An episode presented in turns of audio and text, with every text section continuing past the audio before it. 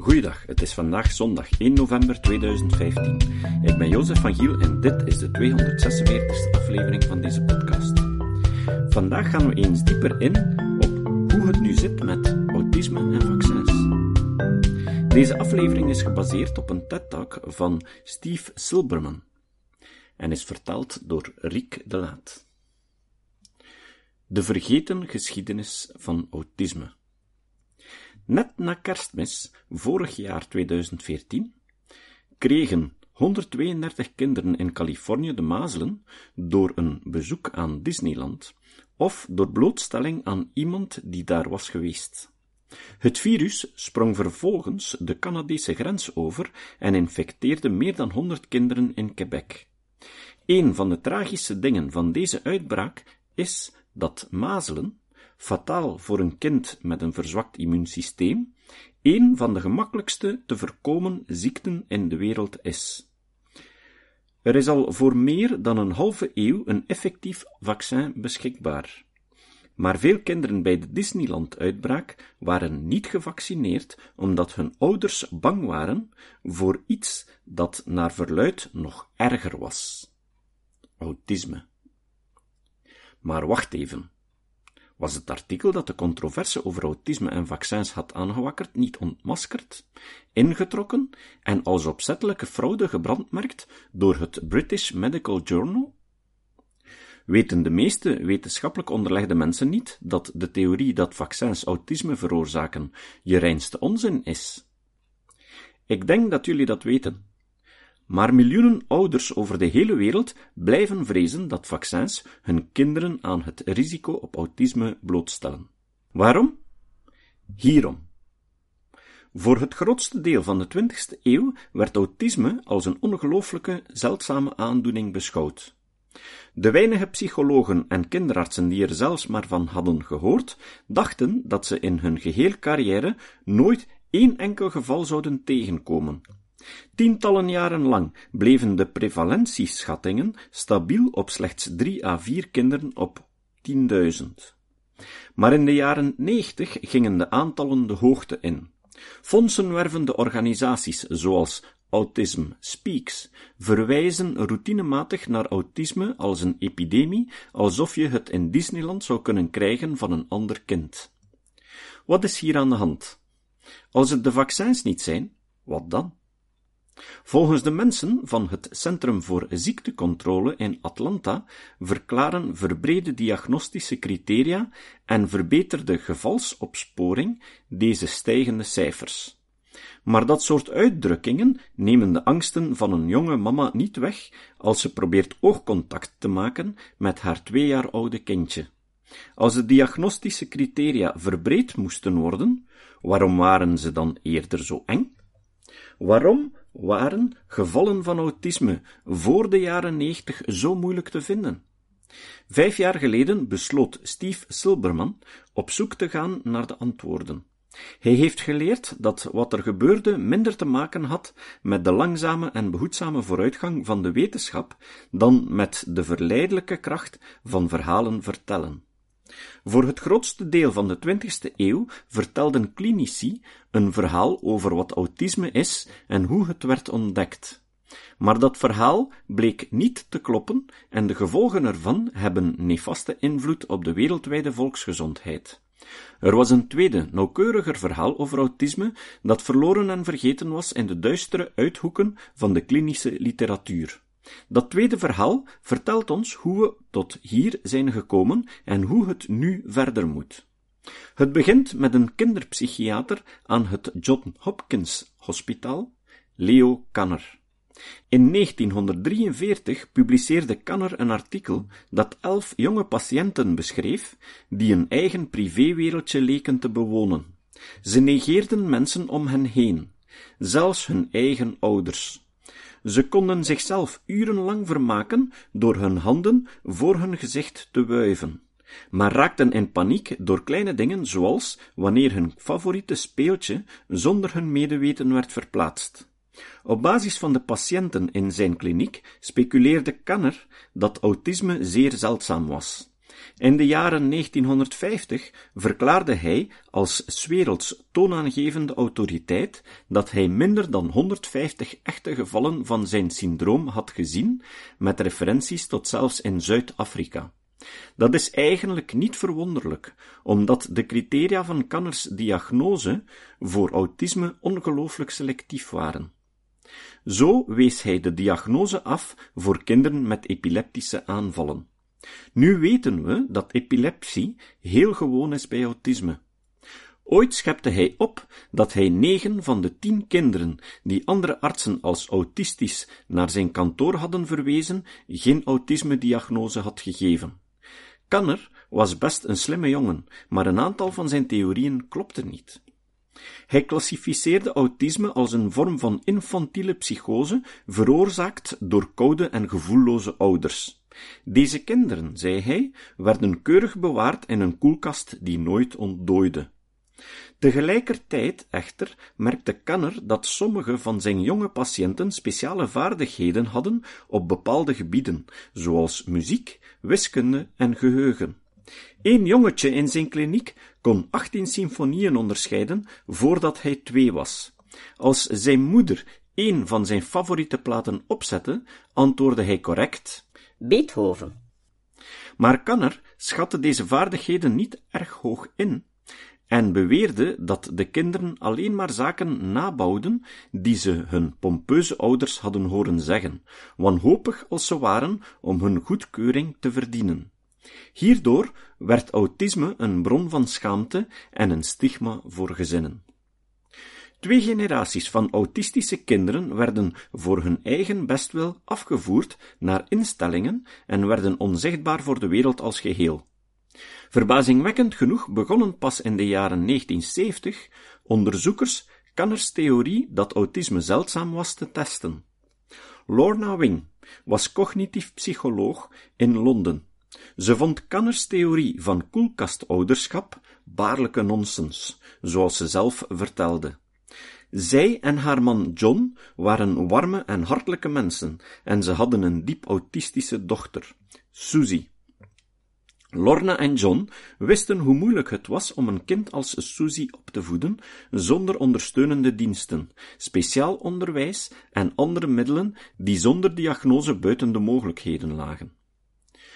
Om de National Health Service duidelijk te maken dat er meer middelen nodig waren voor autistische kinderen en hun families, besloten Lorna en haar collega Judith Gold iets te doen dat al dertig jaar eerder had moeten gebeuren. Ze ondernamen een studie van autismusprevalentie bij de doorsnee bevolking.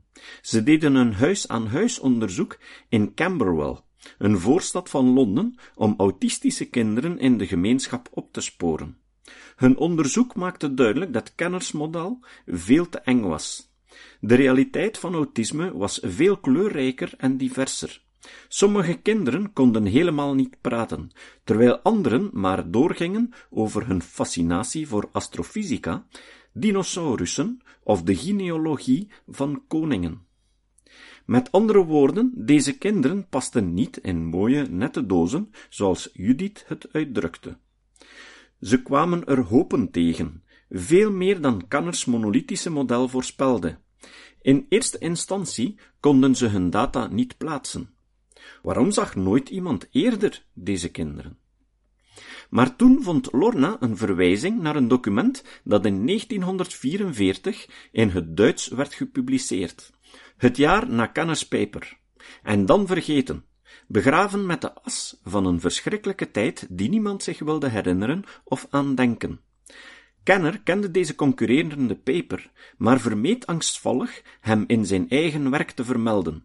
Hij was zelfs nog nooit in het Engels vertaald, maar gelukkig sprak Lorna's echtgenoot Duits en vertaalde hem voor haar. Die paper gaf een alternatief verhaal over autisme. De auteur was Hans Asperger. Hij runde een combinatiekliniek en residentiële school in het Wenen van de jaren 1930. Aspergers ideeën over onderwijs aan kinderen met leerverschillen waren zelfs naar hedendaagse normen progressief. De ochtenden in zijn kliniek begonnen met fitnesslessen op muziek en op zondagnamiddag speelden de kinderen toneel. In plaats van de schuld voor het veroorzaken van autisme bij de ouders te leggen, beschrijft Asperger het als een levenslange polygenetische handicap die meedogende vormen van ondersteuning en accommodaties vereist gedurende iemands hele leven. Eerder dan de kinderen in zijn kliniek als patiënten te behandelen, noemde Asperger ze zijn kleine professoren en liet hen helpen bij het ontwikkelen van onderwijsmethoden die voor hen bijzonder geschikt waren. Cruciaal was dat Asperger autisme zag als een verbazingwekkend divers continuum van hoogbegaafdheid en invaliditeit. Hij geloofde dat autisme en autistische kenmerken veel voorkomen en dat altijd hebben gedaan. Hij zag aspecten van dit continuum in de vertrouwde archetypes uit de popcultuur, zoals de sociaal onhandige wetenschapper en de verstrooide professor. Hij ging zelfs zo ver om te zeggen dat het lijkt dat voor succes in wetenschap en kunst een vleugje autisme essentieel is. Lorna en Judith beseften dat Kenner zo verkeerd was geweest over de zeldzaamheid van autisme, zoals hij ook fout was geweest over de ouders als oorzaak ervan. In de loop van de volgende jaren werkten ze rustig samen met Amerikaanse Psychiatrische Vereniging om de criteria voor de diagnose te verbreden en de diversiteit te weerspiegelen van wat ze het autismespectrum noemden. Omstreeks 1990 traden hun wijzigingen in werking. Kenners enge model maakte plaats voor het brede en inclusieve model van Asperger. Die veranderingen gebeurden niet in het luchtledige. Terwijl Lorna en Judith achter de schermen werkten om de criteria te hervormen, kreeg het brede publiek per toeval voor de eerste keer een autistische volwassene te zien. Voordat Rainman uitkwam in 1988, wist slechts een kleine besloten kring van deskundigen hoe autisme eruit zag. Maar doordat de onvergetelijke prestaties van Dustin Hoffman als Raymond Babbitt in Rainman vier Oscars opbracht, wisten kinderartsen, psychologen, leerkrachten en ouders over de hele wereld het ook. Toevallig werden tegelijkertijd de eerste, makkelijk te gebruiken klinische testen voor de diagnose van autisme ingevoerd. Je had niet langer die kleine kring van deskundigen nodig om je kind te evalueren.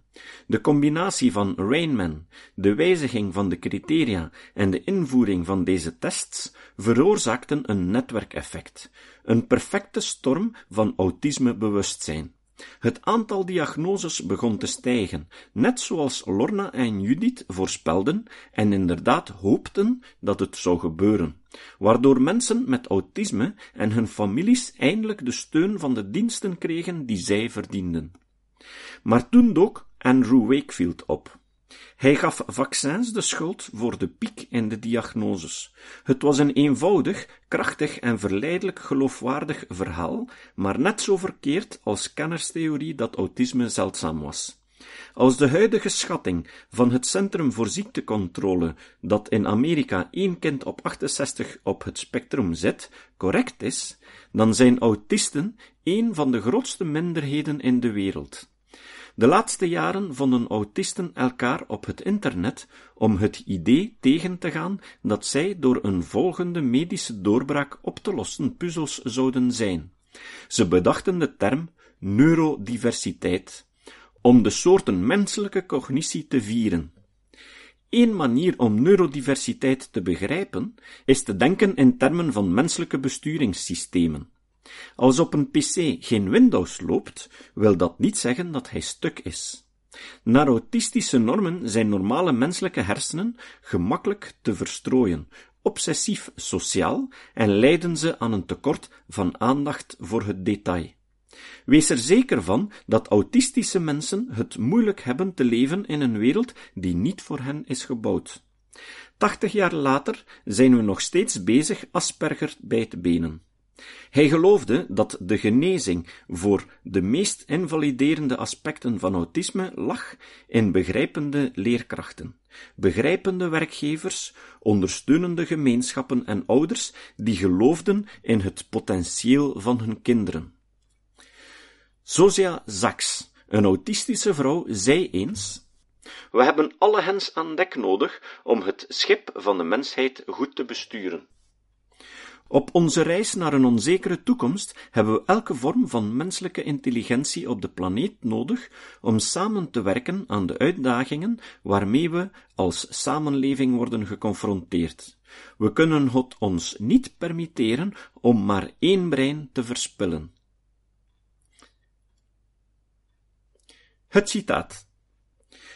Het citaat van vandaag is van Mick Cullen. Cullen is een Australische professor in ornithologie. Cullen zei: De laatste jaren heb ik zoveel conversaties en e-mailgesprekken met studenten, waarbij ik hen boos maak door hen erop te wijzen dat eenvoudigweg zeggen: Dit is mijn standpunt, geen verklaring uitsluit compleet verkeerd te zijn. Het verbijstert mij nog altijd dat sommigen het gevoel hebben dat die vier woorden hen op een of andere manier een vrijgeleide geeft om de grootste onzin te verkondigen. En het maakt me bang dat sommige van die studenten denken dat een opleiding dat hun ideeën uitdaagt gelijk staat aan een aanval op hun geloof. Tot de volgende keer. Deze podcast is het resultaat van het werk van veel mensen. Rick de Laat verbetert bijna al mijn teksten en maakt de meeste vertalingen. Emiel Dingemans verzorgt onze website en Facebookpagina. Ook Leon Korteweg en Stefan Sutens schrijven, vertalen of verbeteren soms artikelen. Leon onderhoudt bovendien het YouTube-kanaal van deze podcast. De muziek van de intro en de trailer heeft Nick Lucassen geschreven en soms maken we ook gebruik van muziek van Ad van Nederpelt, die ons zijn prachtige composities ter beschikking stelt. Dit was de podcast Kritisch Denken. Vergeet niet om alles kritisch te behandelen, ook deze podcast. Voor verdere informatie over deze podcast, links en voor de tekst, surf naar www.kritischdenken.info. Als je deze podcast belangrijk vindt, kun je me steunen door anderen warm te maken ook eens te luisteren. Stuur een e-mail naar vrienden met een link naar de website en plaats de link in de handtekening van je e-mails. Tevens kun je op iTunes deze podcast een beoordeling geven of een recensie schrijven. Of je kan op je eigen website of blog een link naar kritisch denken plaatsen.